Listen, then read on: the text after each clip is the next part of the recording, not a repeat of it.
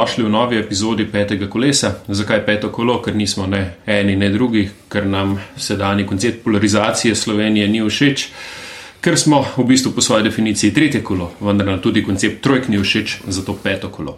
Danes osamosvojitvena tema, eh, kar se spodobi v 30. obletnici Slovenije. Eh, z nami, za razliko od Metine liste, ki je povabila samo enega, morda ne samo osamosvojitelja, z nami danes dva osamosvojitelja, torej tedajni predsednik vlade uh, Lojze Petrle in notranji minister Igor Bavčar. Uh, predno pa zapademo v temo in pogovor, ožbej, kaj pijemo danes in zakaj.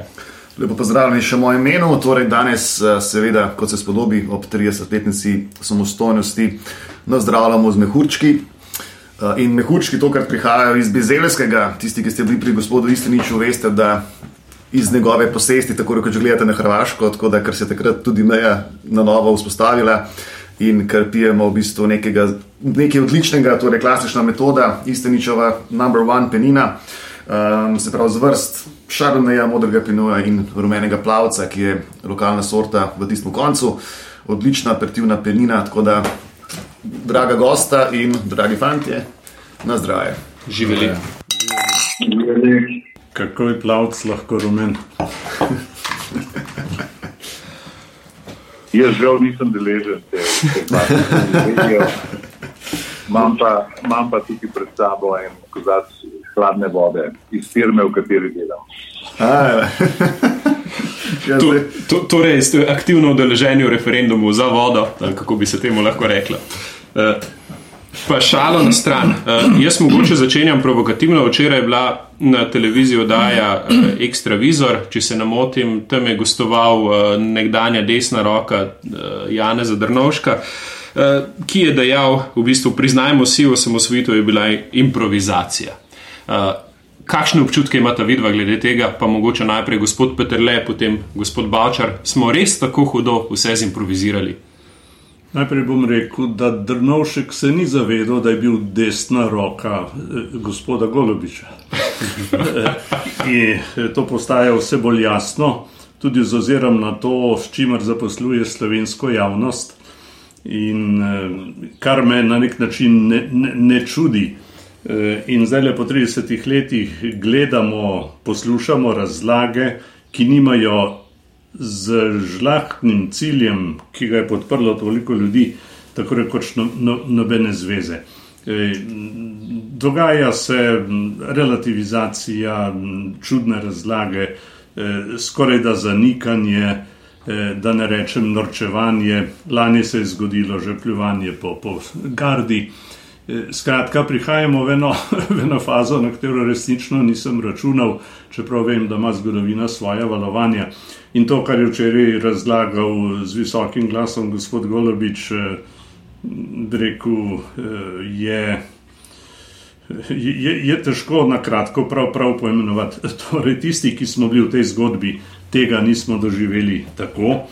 In jaz se spominjam, kako smo za Jožetom Školčem hodila, predno smo začeli z vlado, eh, tam okrog žal, par ur in sva se pogovarjala, kako bi izgledalo, če bi stranka, v kateri je bil tudi gospod Golovič, eh, sodelovala v tej vladi. Na koncu to torej Školč je po stavu prehude zahteve, skoraj da je rekel, ali dobimo vse ali nič, ne? in potem je bilo nič. Ne? Ampak, če bi bil on, pa gospod Golobič, v, v tej vladi, če bi prevzeli soodgovornost in tveganje za tisto, kar smo uh, prevzeli mi, bi videl, da ni bilo tako, kot je včeraj, včeraj razlagal slovenski javnosti. Ja. ja. Hvala lepa. Uh, zelo znam uh, britanski zgodovinar Taylor, ki je napisal eno krasno knjigo, ki za katero mi je žal, da ni prevedena, The Origin of the Second World War, se pravi eh, izvor, nastanek, eh, razlogi za drugo svetovno vojno. In tam je se dobro spomnil enega stavka, ki, ki mi je bil zelo všeč in je rekel, da vojne niso nikoli take, kot jih pričakuješ da so vedno drugačne in da, je, da ne zmaga tisti, ki je, dal, ki je najbolje ocenil oziroma predvidel, kaj se bo zgodilo, ampak tisti, ki je naredil najmanj napak. In za nas, glede osamosvojitve, velja enako. Seveda nismo mogli vsega predvideti, seveda smo morali marsikaj tudi improvizirati, ampak to seveda ne upravičuje danes nikogar, da bi rekel eh, karkoli eh, v tej smeri, kot je bilo slišati včeraj, čeprav tega nisem poslušal, sem videl na Twitterju to njegovo izjavo. Eh, zakaj ne? Zaradi tega, ker prvič eh, liberalna demokracija takrat je eh, seveda nekaj dni pred našim, našo samosvojitvijo obvestila takratnega predsednika zvezdne vlade Markoviča in njegovo vprašanje, zakaj ne odstavijo to vlado, so rekli, da bodo počakali, da osamosvojitev itak ne bo uspela eh, in da bodo potem lažje upravili z demosovo vlado. Kar pomeni, da je bila njihova ocena ne taka, kot je danes, da je to improvizacija, ampak da je to tudi nekaj, kar je nemogoče. In z tega stališča je današnja izjava človeka, ki je bil takrat seveda del tiste liberalne demokracije, veliko prej poniglava, kot pa neka resna analiza. Mogoče zdaj, da skočimo od Golobiča naprej. Kaj pa vi osebno danes eh, praznujete, oziroma v teh dneh ob 30-letnici? Mi pa zelo isto praznujemo eh, samostojno državo. Roko na srce, nobena slovenska politika v nobenem obdobju, ne pred drugo svetovno vojno, ne po prvi svetovni vojni, ne bom rekel, v času uh, socializma in tudi ne uh, uh, druge, kot samo v enem delu emigracije, pa še to, potem, ko je bila poražena politično izgnana in v veliki meri likvidirana po drugi svetovni vojni, ni imela tega uh, projekta slovenske osamosvojitve in državnosti nikoli zapisanega v, v, v program. Kaj šele, da bi bila sposobna rekel, neke operativne izpeljave, se pravi, da bi bila sposobna eh, v trenutku, ko je zasedala položaje, kot jih je zasedel Demos svojo vlado, se pravi, prevzel izvršno oblast in večino v slovenskem parlamentu, eh, tako, tak projekt tudi izpeljati. Seveda, eh, z tega stališča danes, bom rekel, praznujemo, oziroma zdaj, zdaj praznujemo prav to našo veliko pripravljenost in uspeh, ki, ki smo ga dosegli, kljub vsem res eh, težavam, ki jih imamo danes, in ne glede na to, da se v mnogo čem ne strinjamo glede te prehojene poti in tudi eh, naše prihodnosti, je edina stvar, ki jo imamo in ki je seveda izjemno pomembna za to, da lahko se sploh ravnamo v tem svetu svoja država in to je po mojem mnenju vredno praznovati. Mi praznujemo največji dosežek eh, slovenskega naroda, naj, največji narodno-politični eh, dosežek.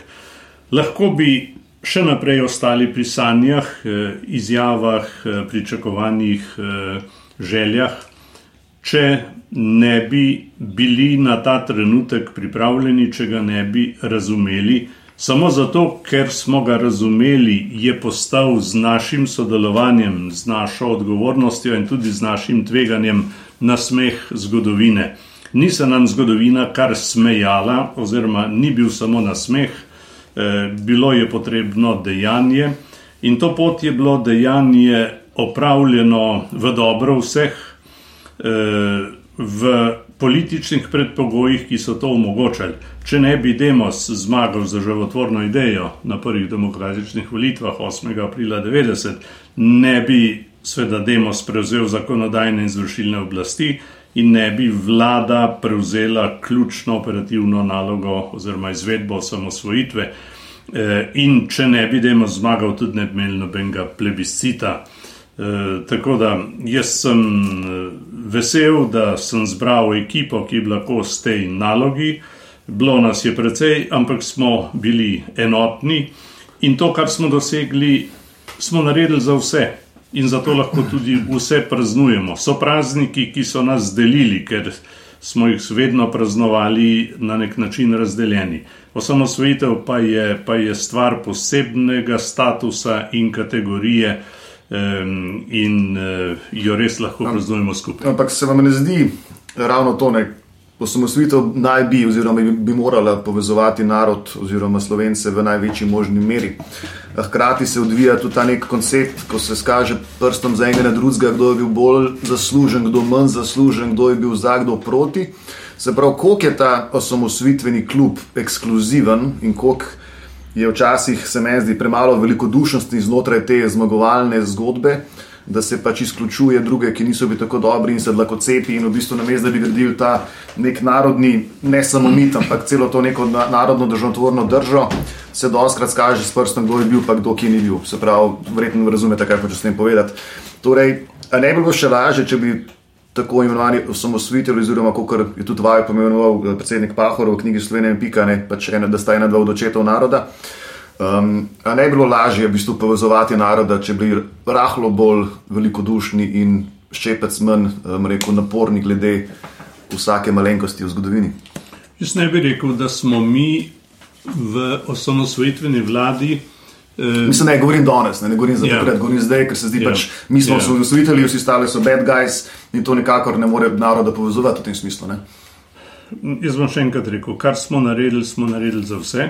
In uh, jaz zase gotovo lahko rečem, da sem držal vključevalno linijo. Uh, ne bi, jaz vidim malo zadev, ki bi jih lahko ocenjeval kot zaslugarstvo ali, ali izločanje.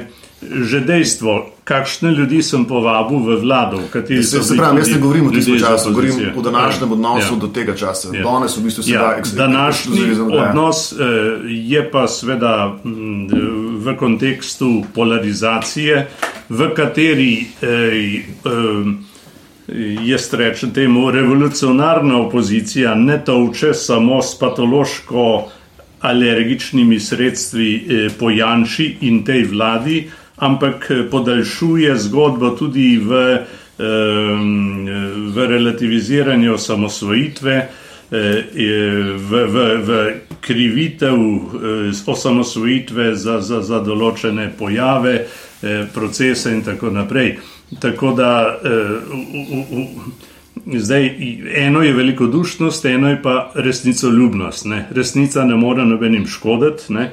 Dejstvo je, da so nekateri vendar osamosvojitev vzeli tudi kot svoj poraz. In imamo kategorijo ljudi, ki v Sloveniji pač tega tudi danes ne praznujemo. Dejstvo, kako se uči oziroma ne uči v šolah o osamosvojitvi, govori o tem, kako je ostal nek vpliv, ki je imel nekoč izrazito ideološki naboj v šolah in in, in, in se pač o teh zadevah ne, ne, ne govori na, na, na resnico ljuben, eh, kaj šele navdušujoč način. Gospod Bačer.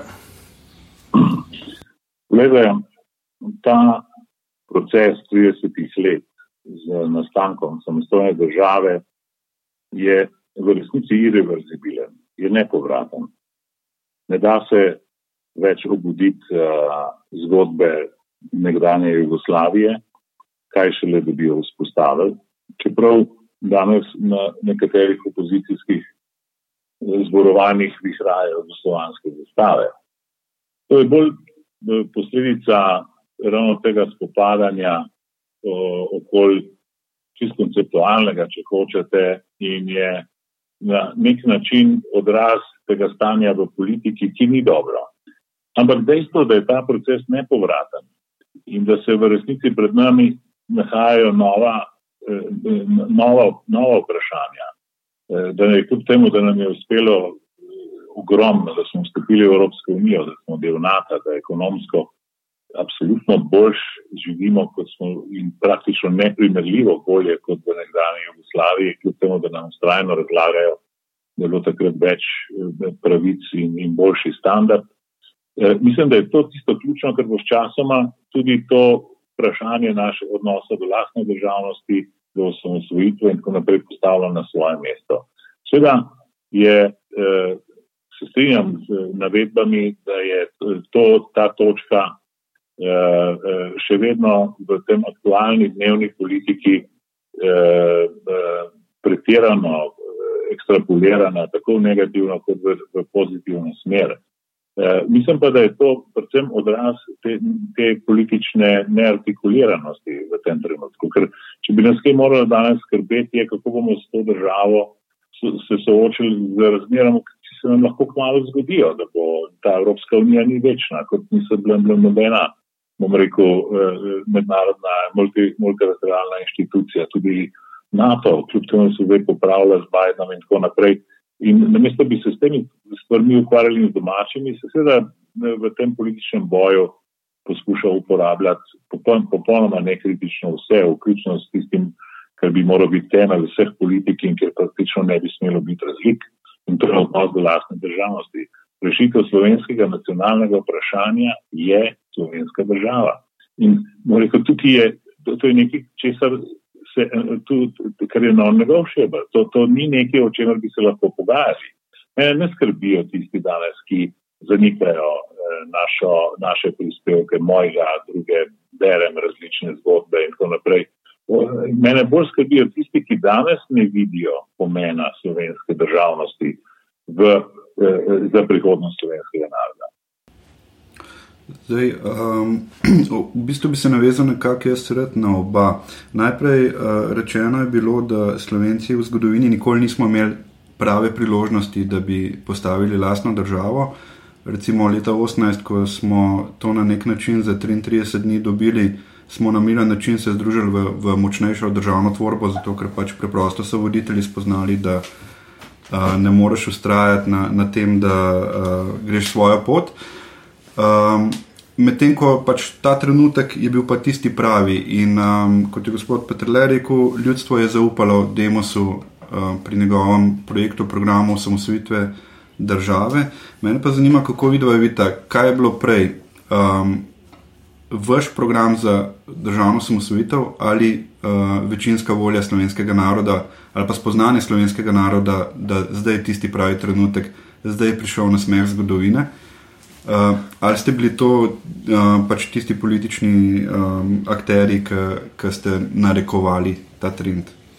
Nikoli se ne zgodi ljudstvo naenkrat na vsem terenu zmeraj se zgodovinski proces sproži z nekom ali z nekaterimi ljudmi, ki razsvetlijo temo z neko jasno lučjo, z jasno vizijo, jasnim ciljem, in tako se je to zgodilo tudi tukaj. Vendar eh, nobena luč ne bi pomagala, eh, če ne bi bilo eh, take breku predpriprave, eh, ki je krepila slovensko domoljubno in eh, demokratsko politično zavest. Lejte, jaz sem bil, jaz sem generacija iz leta 68, se spomnim zadev, ki so se dogajale takrat, tudi prebuje kristjanov, ki so potem sodelovali tudi v Bavčevem odboru za, za človekove pravice. Torej, eh, govorim o, o, o takvanih predpripravah ne, in eh, proces proti četverici JVTZ je, je ena kristalizacijska točka. Na koncu je imel Bavčarjev odbor 100.000 ljudi, iz, kater, iz tega pa nismo eh, hoteli narediti stranke. Ne. Skratka, veliko stvari se je dogajalo. Jaz sem delal v študentskih ručnih skupinah, pri RUI 2000, pri um, še, še, še kje drugje. In, in takrat smo pač obravnavali družbeno in v nekem smislu tudi politično vprašanje, kolikor se je to dalo. Ne. In nismo bili nepripravljeni. In, jaz bi rekel, da zlasti kristijani smo eh, ohranjali nek svet vrednot eh, in načel, ki so bila tudi podlaga mm, očetom Evrope za začetek Evropske skupnosti, kasneje še Evropske zveze. Skratka, jaz pravim, da je bila niva je bila pripravljena za seme, če tako rečem, z biblično primero. Ne. Zložile so se karte v nekem zaporedju, Eh, v katerem so nastopili, bi rekel, nujni elementi. In če ne bi, eh, torej zgodovina Demosa je nekaj zelo zanimivega, tudi niso vsi detajli še, še pojasnjeni ali širše znani, ne, eh, so, pa, so pa zelo zanimivi. Torej, Demos, gledajte, Danes vsi vemo, je bilo tam šest strank, ampak v prvi rundi Slovenska kmečka zveza recimo, ni, ni, bila, ni bila ravno za to. Zeleni so, imeli, so glasovali ena proti ena in se je Plut odločil po svojem kriteriju. Skratka, veliko stvari se je, se je, bom rekel, prav zložilo v končni, v končni rezultat. in plebiscit, bom še enkrat rekel, je potem pač potrdil, oziroma skoraj podvojil rezultat, ki ga je imel Demos, ne, in ta rezultat je pokazal, da je volja za samostojnost presega okvire pomladnih oziroma demosovih strank, tudi, tudi marsikter komunist je bil za to. Ne? In tudi s tem dejstvom, bi rekel, je treba živeti, ampak še enkrat bom rekel in končam. Ni, ni, danes marsikdo zelo poenostavljeno razlaga ne, in, in pozna samo pojem ljudstva. Ampak so bili tukaj tudi ljudje, pač, oziroma brez takih ljudi, kot so bili Pučnik, Oman. Oman je pač prvo zvezo ustanovil ne, in mu upravičeno rečemo prva lastovka ali prva brazda slovenske pomladi. Ampak bilo je veliko zadev, ki so se dogajale po rinji pisateljev, novinarjev, izseljenstva. Se spomnimo že bota, eni takrat še niso vedeli za Erliha in tako naprej. Poglejte, slovenska država eh, ni bila samo, ni bila samo eh, nuja. Uh, bom rekel drugače, ko pravite, da je leta 18 ni bil še čas, morda tudi ni bila še potreba. Uh, Slovenci so živeli znotraj Avstralske in če bi po, svetovni, po prvi svetovni vojni ne bilo Wilsonovih 14 točk in bom rekel, načela o samo odločbi in tako naprej. Vprašanje, kako bi izgledala ta Evropa. Vprašanje, da veste, da je bila Dunajska vlada že na tem, da ponudi koncept konfederacije, Korošici bil bor. E, Slovencem se je zdelo, če se sam spomnim mojega starega očeta, da je to bila najboljša država, ki se je kadarkoli zgodila. Z svojo agrarno reformo, z vsem, kar je, on, kar je naša družina dobila takrat, je njemu bilo žal za Avstralijo. In potem tudi v Jugoslaviji. Znotraj teh Jugoslavij je del teh nacionalnih ciljev slovencev, vendar je bil ohranjen. In tudi po koncu druge svetovne vojne, ne, ki bi se lahko drugače končala, če bi šla invazija čez Istro ali Dalmacijo, je vprašanje, kaj bi bilo z Jugoslavijo, verjetno ne bi bilo. Verjetno bi ostala rapalska meja in tudi mi ne bi bili celoviti, zaradi tega, ker je Italija bila že na strani zavezniških sil. In bo rekel, ko vse te zgodovinske turbulence pogledaš, vidiš, da se je resnici zgodilo to, kar se je zgodilo leta 1991 znotraj nekih okoliščin, na katere seveda mi nismo imeli vse, vsega vpliva. Predvsem pa nismo do takrat imeli politike, kot je rekel Lojze, ki bi imela tako jasno vizijo, da v tistem svetu, ki je bil takrat, ki je bil drugačen od sveta 18 in 41 in 45 in 74 in 68, ko je bila češka kriza in tako naprej. Uh, je bil to svet, v katerem sta se združevali Nemčiji, v katerem je razpadal, bom rekel, sistem, ki je bil postavljen po drugi svetovni vojni. Razpadla je Sovjetska zveza, Varšavski pakt.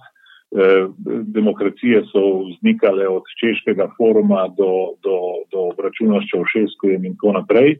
In Jugoslavija je takrat, kot ena zadnjih imperialnih držav, večnacionalnih, ravno tako začela pokati po širih in v tistem trenutku je bil to optimalen odgovor na to, kar počnemo. In ekipa, ki jo je vodil Lojze Petrle, je seveda takrat vodila politiko v smeri, da pač postanemo, eh, da, da, da zagrabimo to priložnost. In, in če jo ne bi, če jo ne bi, če bi se samo malo drugače zavrteli, če bi recimo vojska zmagala eh, v, v, v Sloveniji, bi, bi, bi zmagal Markovič, bi zmagal prvo jugoslovanske sile, bi verjetno znotraj Jugoslavijske armade ne prevladal Miloševič, kot je prej in tako naprej. Skratka, poti je bilo kar nekaj in ni res, da je šlo zgolj za improvizacijo in da smo bili, bom rekel, slučajno pahnjeni v ta položaj, v katerem smo danes. Daleč od tega.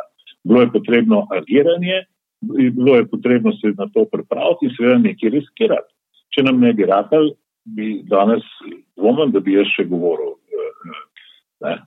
Tako da kljub temu, da nam je za to ratal in da ni slučajno, da sem tleh, ampak mislim, da je to treba vedeti, da je to treba vedeti, da, so, da je znotraj teh okoliščin eh, bila slovenska politika, ki je v tistem trenutku, za razliko od mnogih prejšnjih eh, okoliščin, bila na nivoju te zgodovinske naloge.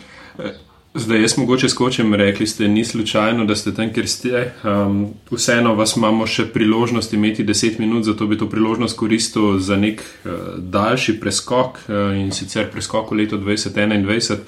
Uh, pa, pa skušal vse narediti neko evalvacijo. Um, pa bi rekel, mogoče čisto provokativno vprašanje, ste bili zaradi ogromne podpore takrat, kdaj je pretirano naivni, da se bodo stvari razvijale tako, kot so se potem razvijale. Lahko gledamo pravna država je postala nekje ista, kot ste jo vi postavili. Ne? Uh, praktično te neke hude evolucije ni bilo v 30 letih, problemi so na trenutke dokaj isti ali pa še slabši.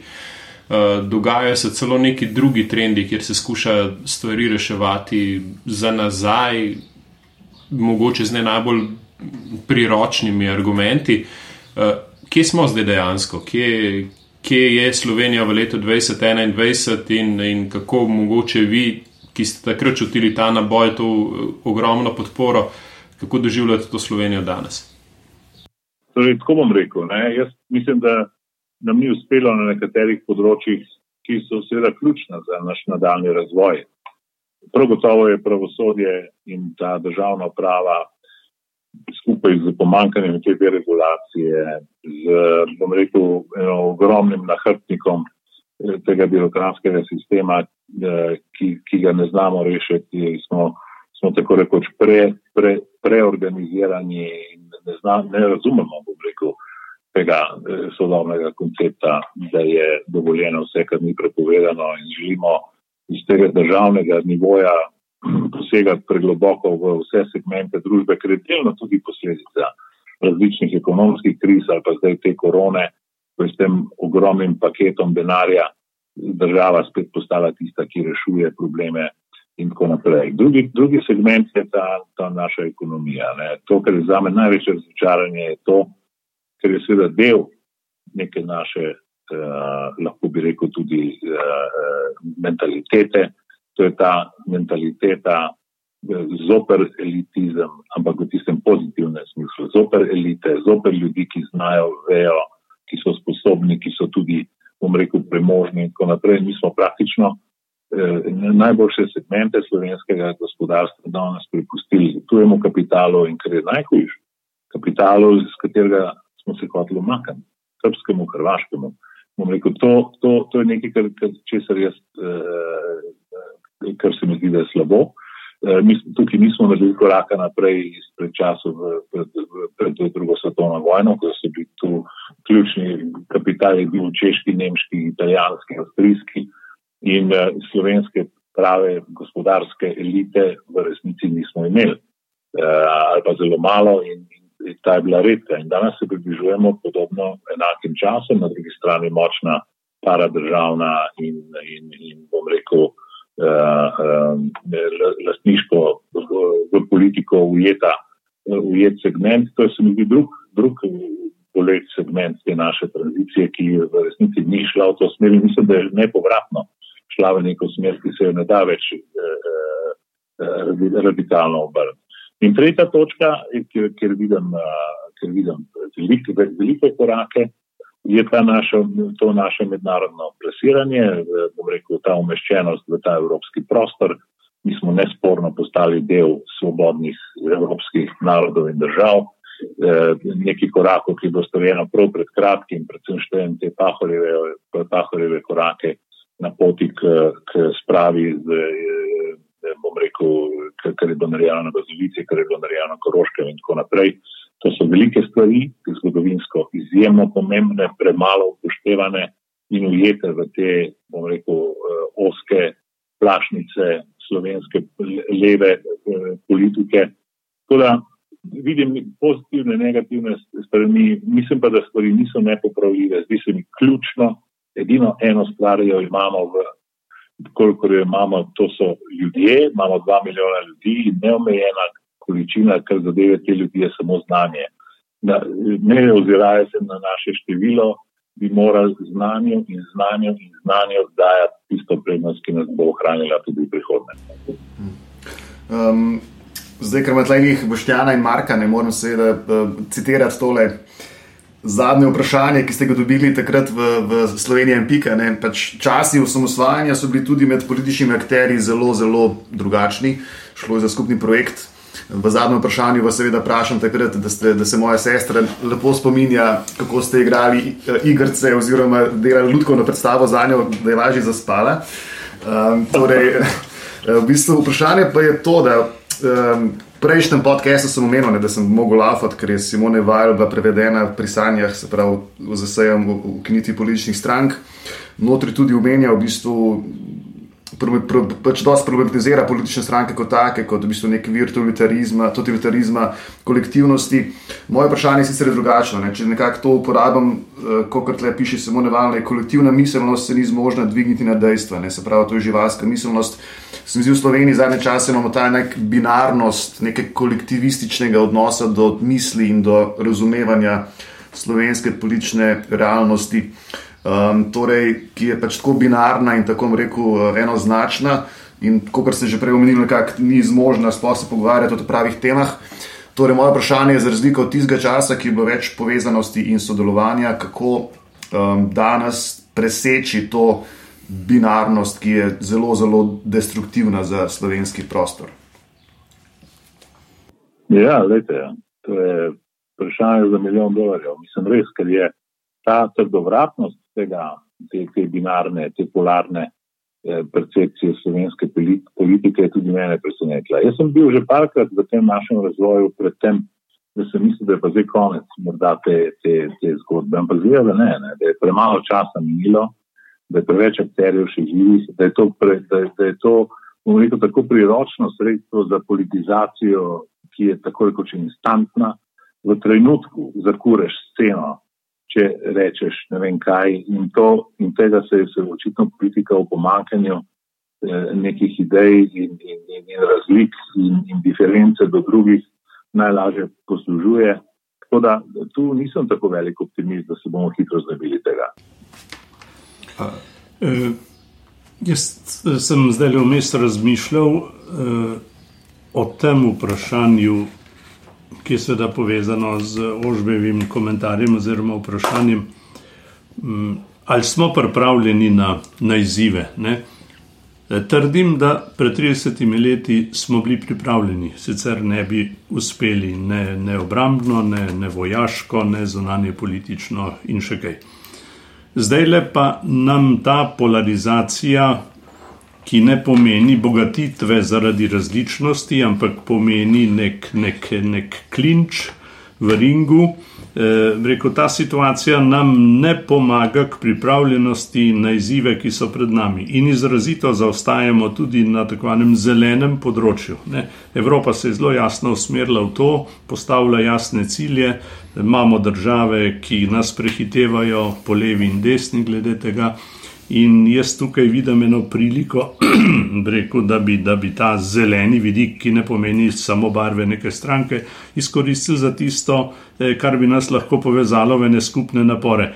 Moramo pa enkrat premisliti, kaj je tisto, oziroma zakaj se ne moramo lotiti tistega, kar nam daje svinc na noge, da se težko premikamo.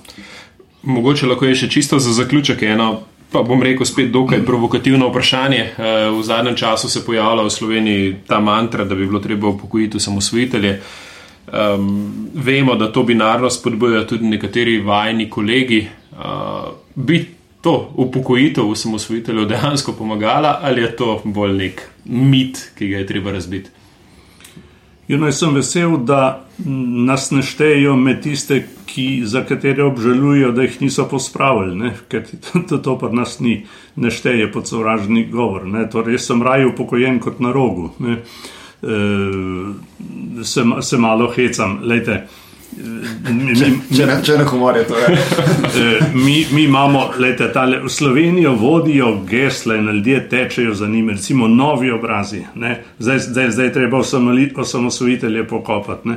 Leta v Ameriki je Biden šele začel, Trump je začel po 70 letih, Ta, tam ste mi leti ali pa na kitajskem šele dobro začnejo. Ne, pa bo zdaj pa tako nedeljo za predsednika Jaka mogoče. To bo dobro, da bi se zelo malo borila za funkcijo. Dobro, vse se lahko hecamo, ampak Lejte, mene ne zanimajo novi ali stari, osamosvojitelji, ne osamosvojitelji. Mene zanima tista poštena ekipa, ki bo dala Slovenijo na prvo mesto, kot smo jo dali pred 30 leti. V tem, v, v tem izzivu ali v tem je keč, bi, bi, bi rekli. Ne? Stari, novi, vse. Eni producirajo stari obrazi, pri nas producirajo nove, potem se pa izkaže, eh, da, da s tem ni nič. Smo videli, par vlad eh, smo videli, ki, ki, ki, ki se niso izkazale. Torej, Jaz si želim in upam in vidim, da se dogaja nova generacija, ki je ponotranila osamosvojitev kot vrednoto in ki bo sposobna na tem graditi. Izbreko osamosvojitelji pa bi lahko pri tem svojo izkušnjo kaj pomagali. Gospod Bačer, vas so vseeno na nek način upokojili, če lahko temu cinično, res, ja. cinično rečem. Jaz se ne dam, jaz se ne dam, to je, jaz bom na koncu bom rekel, dokazal svoj prav in uh, se bom zato tudi naprej potegoval. Uh, jaz sem v vsem svojem, bom rekel, aktivnem političnem in, in gospodarskem in siceršnjem življenju delal sam velike stvari. In z vsemi sem več ali manj uspel. Uspel sem z odborom, uspel sem z vlado, uspel sem z osamosvojitvijo, uspel sem z Evropsko unijo, ki sem vodil cel, cel ta projekt nisem uspel z Istrabenzom v enem delu zaradi sebe, v drugem delu pa zaradi tega, ker sem bil del točno tega istega eh, razumevanja, ne sicer o upokojevanju osamosvojiteljev, pač pa tistih, ki štrlijo čez. In to je, to je nekaj, ta, ta, bom rekel, egalitarizem v Sloveniji, ta, to, to nenaklonjenost uspešnim, nenaklonjenost ljudem, ki, ki so ki vedo več, ki znajo več. To je tisto, kar me najbolj skrbi. Manj me skrbi to etiketiranje, čeprav je prav bolano že na nekaterih delih. Vidim. Ampak, gledajte, to je to, kar je, kar je treba spremeniti in eh, to je tisto, na kar pri čemer računam prav na to mlajšo generacijo, na vas, če hočete. Vam vračam za vprašanje. In se poslavljam, ker moramo biti. Hvala lepa. Hvala tudi vam za pogovor. Igor, pozdravljen. Praznuj. Ja. Torej, mi nadaljujemo kar eh, v našem podkastu naprej. Eh, hvala gospodu Bavčarju, da, da je z nami podelil nekaj, nekaj misli, nekaj pogledov, ki, ki vseeno zbujajo neko upanje za naprej. Čeprav mogoče tudi njegova pot, pustimo stati, ni bila najlažja, ali pa je mogoče on izbral neko, neko zanimivo varianto. Pa če se tukaj vrnem, vrnem nazaj, na, bilo je naslovljeno to vprašanje nam uh, kje smo danes. Jaz, jaz se strinjam, da bi tukaj mogli, um, da bi mogli dejansko biti mladi tisti, ki so angažirani, da bi mogli mladi s svojimi idejami, svojo energijo biti tudi dejansko tisti, ki bi te osamosvojitelje osamosvojili. Ampak se pravim, tukaj gre za neka uporabna znanja, gre za neko znanje politike in dokler se pač tega ne boš preučil, dokler tega ne boš znal in bo nekdo to bolje počenjal kot ti, eh, potem roko na srce nimaš kaj zraven počenjati. Ker Eh, dokler ne boš boljši od nekoga, ne boš tega preskoka naredil. Vse to smo že tudi na zadnjem podkastu rekli. Konrad, celo Konrad Adenauer je bilo pri tistih 90-ih plus letih treba upokojiti, ampak še on je, še kljub temu je on ob porazu svojega naslednika odprl najboljšo steklenico vina. Ne. Eh, zdaj pa, če skočimo nazaj v debato, eh, da imamo še malo analizo sedanjega stanja, smo, kam, kam tečemo po teh 30 letih.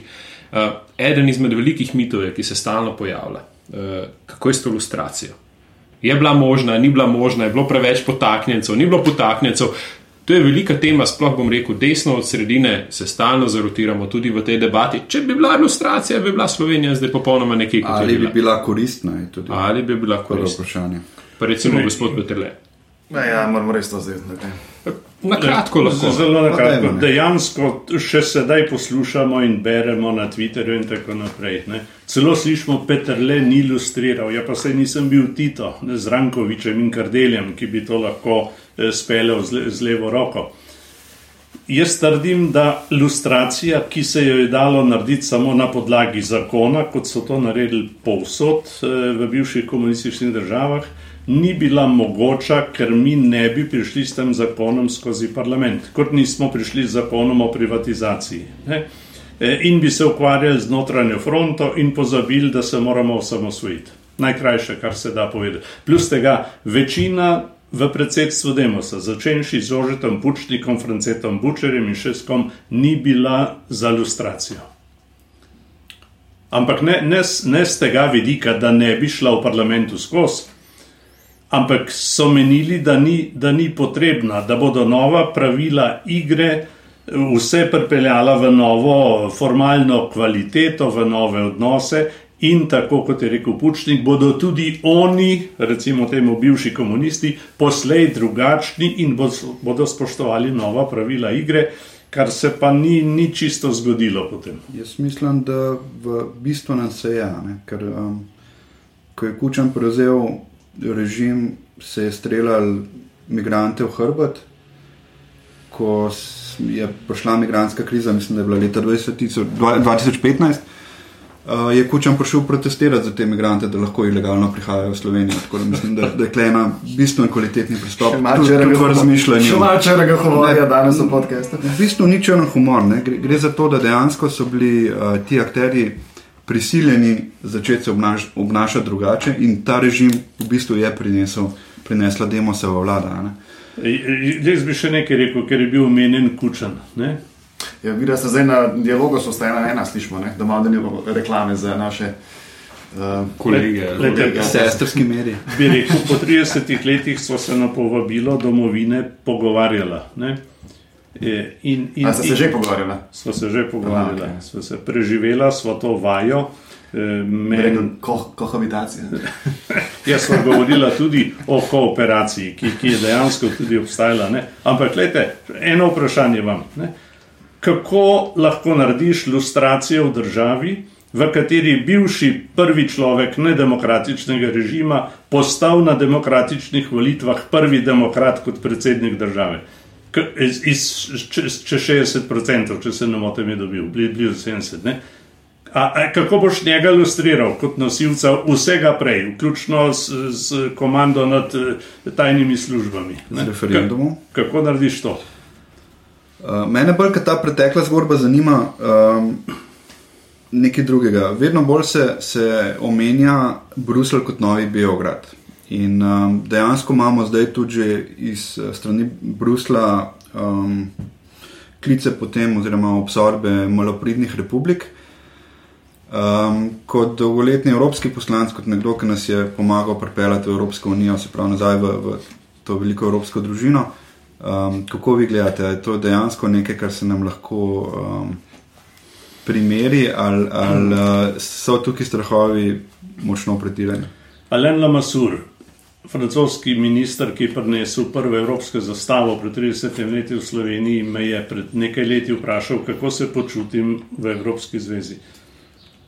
Takrat je bila že močna kriza in se rekel, umarsičem tako kot v nekdani Jugoslaviji. Ne? Je rekel, zakaj pa? Se rekel, zato, ker izginejo skupni imenovalci. Ne? In izginja vrednostna, da ne rečem, civilizacijska podlaga, Danes Evropska zveza ne ukvarja z bistvenimi vprašanji. Recimo, eh, danes je nemoderno ali neoportuno se sprašvati, kako ukrepiti veselje do življenja v Evropi. Ne? Za večino so dovolj imigranti, dovolj jih je in, in pokrijemo pre, eh, delovno, potrebe po delovni sili. Ne? Eh, Evropa se ne zaveda raz koraka med Zahodom in Srednjo Evropo v vrednostnem smislu. In če mi ne, ne mislimo istega, ko uporabljamo besede svoboda, identiteta, kultura, solidarnost in tako naprej, potem ne moramo veliko skupaj narediti. In zdaj jaz se bojim ene nevarnosti, ki jo, ki jo jaz, je ne samo slutim, jo deloma že vidim. Ko imaš ti v veliki množici akterjev, manjših in večjih, eh, zadrego v odločanju, ko se je težko kaj odločiti, takrat ta veliki potegnejo kvantitetno skupaj. Ne? In čim bolj se ta kvantiteta uveljavlja, tem, tem večji je, je razkorak. Ne? V Jugoslaviji je, je tudi šlo v tej smeri. Ne? In ko se čuti manjša entiteta ogrožena v svoji identiteti in svojih interesih, eh, se začnejo problemi. Ne? Tako da Evropa mora zelo natančno premisliti, kaj danes pomeni spoštovati človekovega dostojanstva vsega, vseh, kaj pomeni solidarnost, kaj pomeni delati skupaj. Uh, mogoče eno pod vprašanje. Bili ste del konference o prihodnosti Evrope, uh, zdaj le bili ste tudi na nekih srečanjih z aktualno vlado o debatah o prihodnosti Evrope, potem na koncu niste bili. Kaj, pa ta, kaj pa v bistvu lahko Slovenija v, v času predsedovanja tej Evropi ponudi? Kje vidite našo največjo prednost? Najprej sem spomnil Helmuta Kola, ki mi je dvakrat povedal v osebnem pogovoru, da je, kadar je imel evropsko idejo, najprej vprašal Luksemburg, kaj misli o njej. In je rekel, če je sprejemljiva za Luksemburg, bo mogoče sprejemljiva še za koga drugega. Ta princip se je malce zgubil in danes gre Evropska zveza bolj na silo in moraliziranje. Um, in, uh, Slovenija ima pred sabo eno izredno možnost in hvala Bogu ima tudi ambicijo, ki jo je ta vlada pokazala, da izkoristi čas svojega predsedovanja ne samo zato, da potegne, porine neke dosjeje naprej, ki so zastali, to se je uspešno zgodilo tudi v času prvega predsedovanja, kjer smo dobili zelo dobro ceno. Ne. Torej, v, več, v našem času, pol leta, bo se bo zgodil večinski del konference o prihodnosti Evrope. Tako da Macron bo samo še mašenco dodal in proglasil velike, velike rezultate. Ampak to pot se konferenca dogaja od spodaj na vzgor. Gremo v široko ljudsko razpravo, ki v Sloveniji še ni eh, tako organizirana, upam, da še bo. Um, in potem bo od teh, od takega izvršilnega odbora in plenuma, odvisno, kaj od tega bo prišlo dejansko v politiko ali mogoče celo v spremembo rezulta, eh, eh, pogodbe. Ampak, če hočemo spremeniti pogodbo, pa ta ista Lizbonska pogodba pravi, da je treba narediti novo konvencijo. Jaz pričakujem, da bo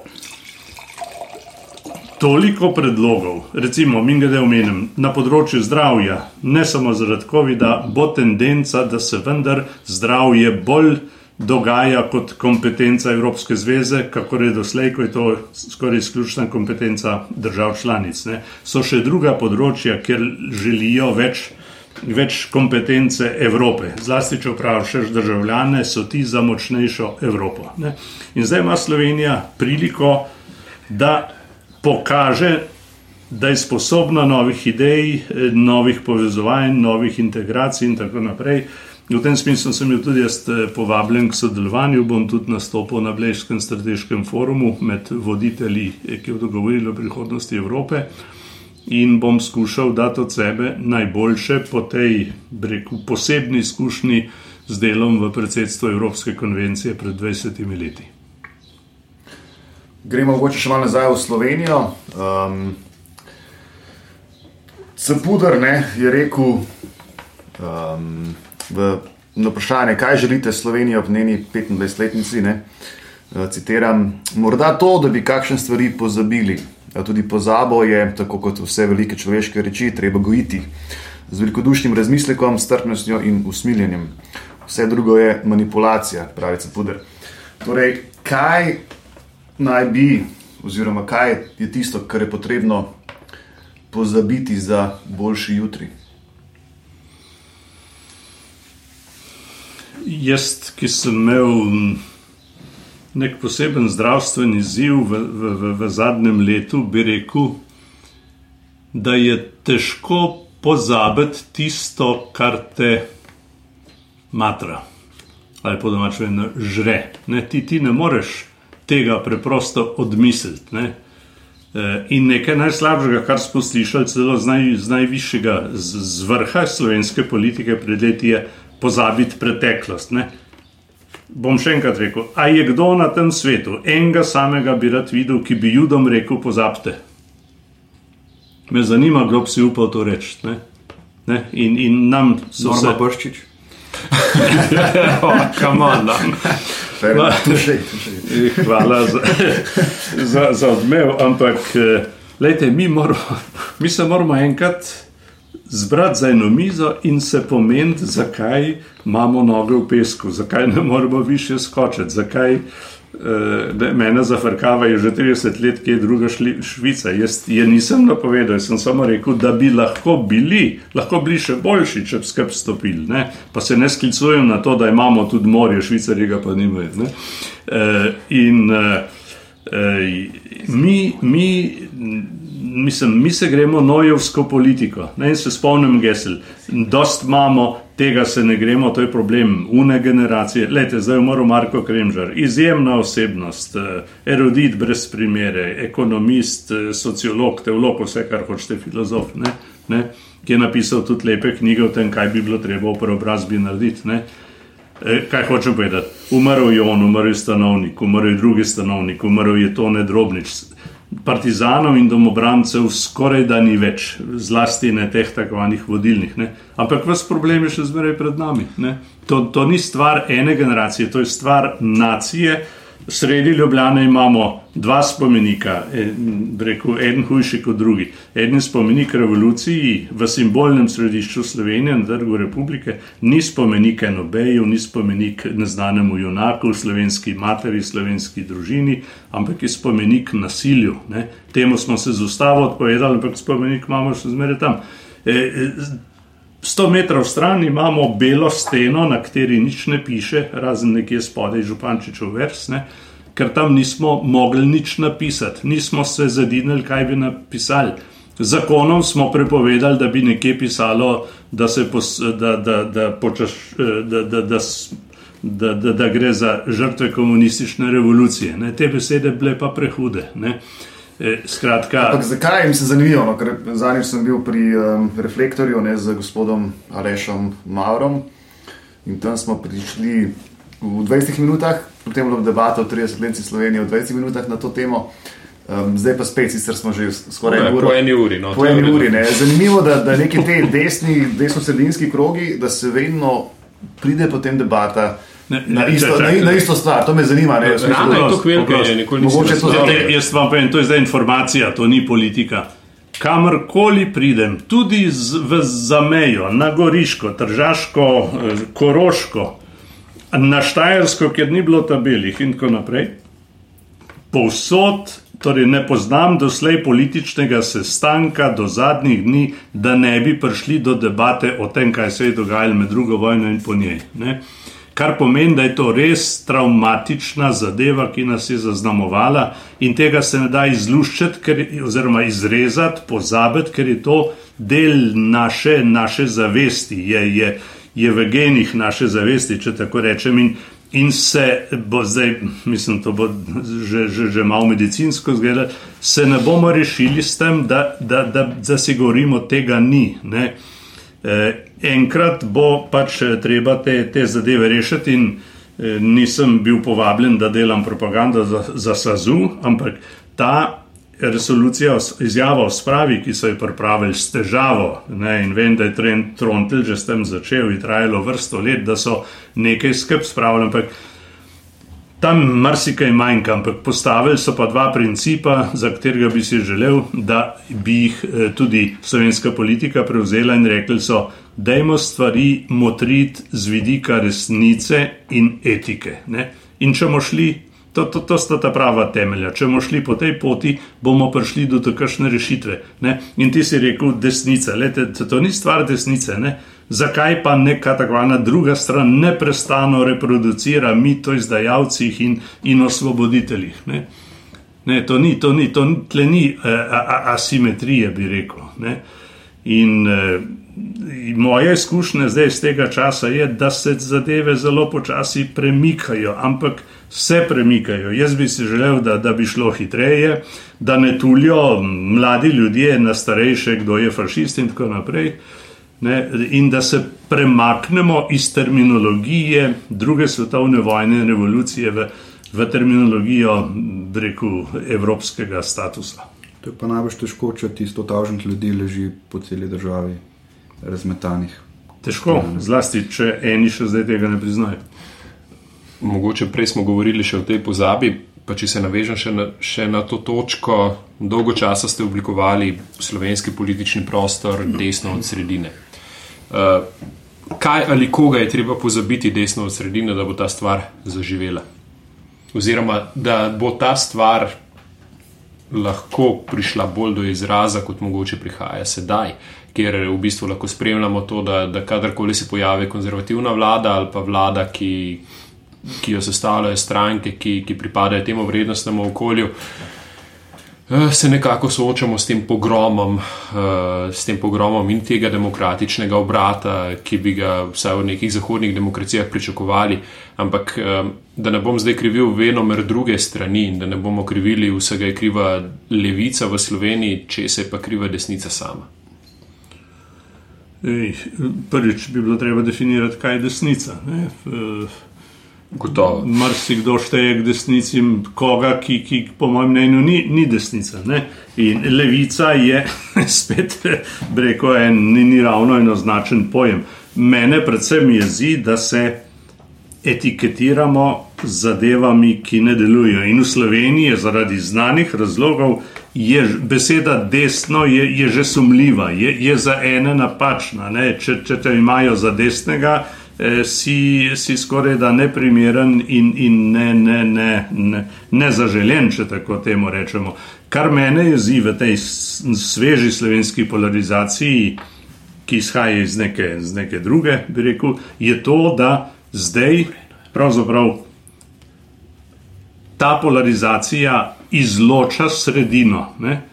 In, in pojem sredine pri nas ne, ne, ne, ne deluje. Ne?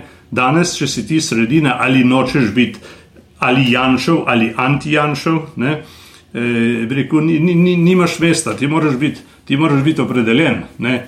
Ti moraš tuliti v ta ali v oni rok. Mi smo imeli že boljšo situacijo. Ne? In v parlamentarni demokraciji, reku, e, je eh, eh, treba eh, biti spoštljiv do ljudske volje. Ne? Tudi če se ta izraža bolj v desno ali bolj, bolj v levo. Ne. E, predvsem pa mislim, da je problem Slovenije ta, e, da ima dvojna merila, veliko hipokrizije, dvojno moralo, bi se rekli. Ne.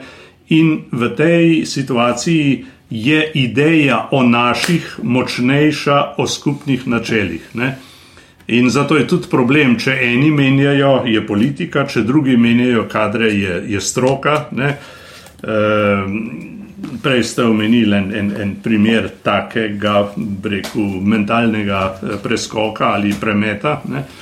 Um, in jaz mislim, da se moramo zmeniti za, za načela, po katerih bomo delali. E, e, lahko je pravilo tudi to, da si naši lahko privoščijo to in ono, ampak če si eni privoščijo, potem si lahko privoščijo tudi drugi.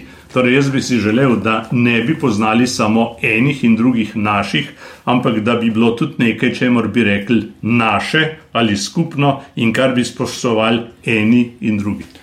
Še čisto za konec eh, našega današnjega druženja. V 25-letnici Slovenije ste dejali, da si želite več otrok in manj tatov.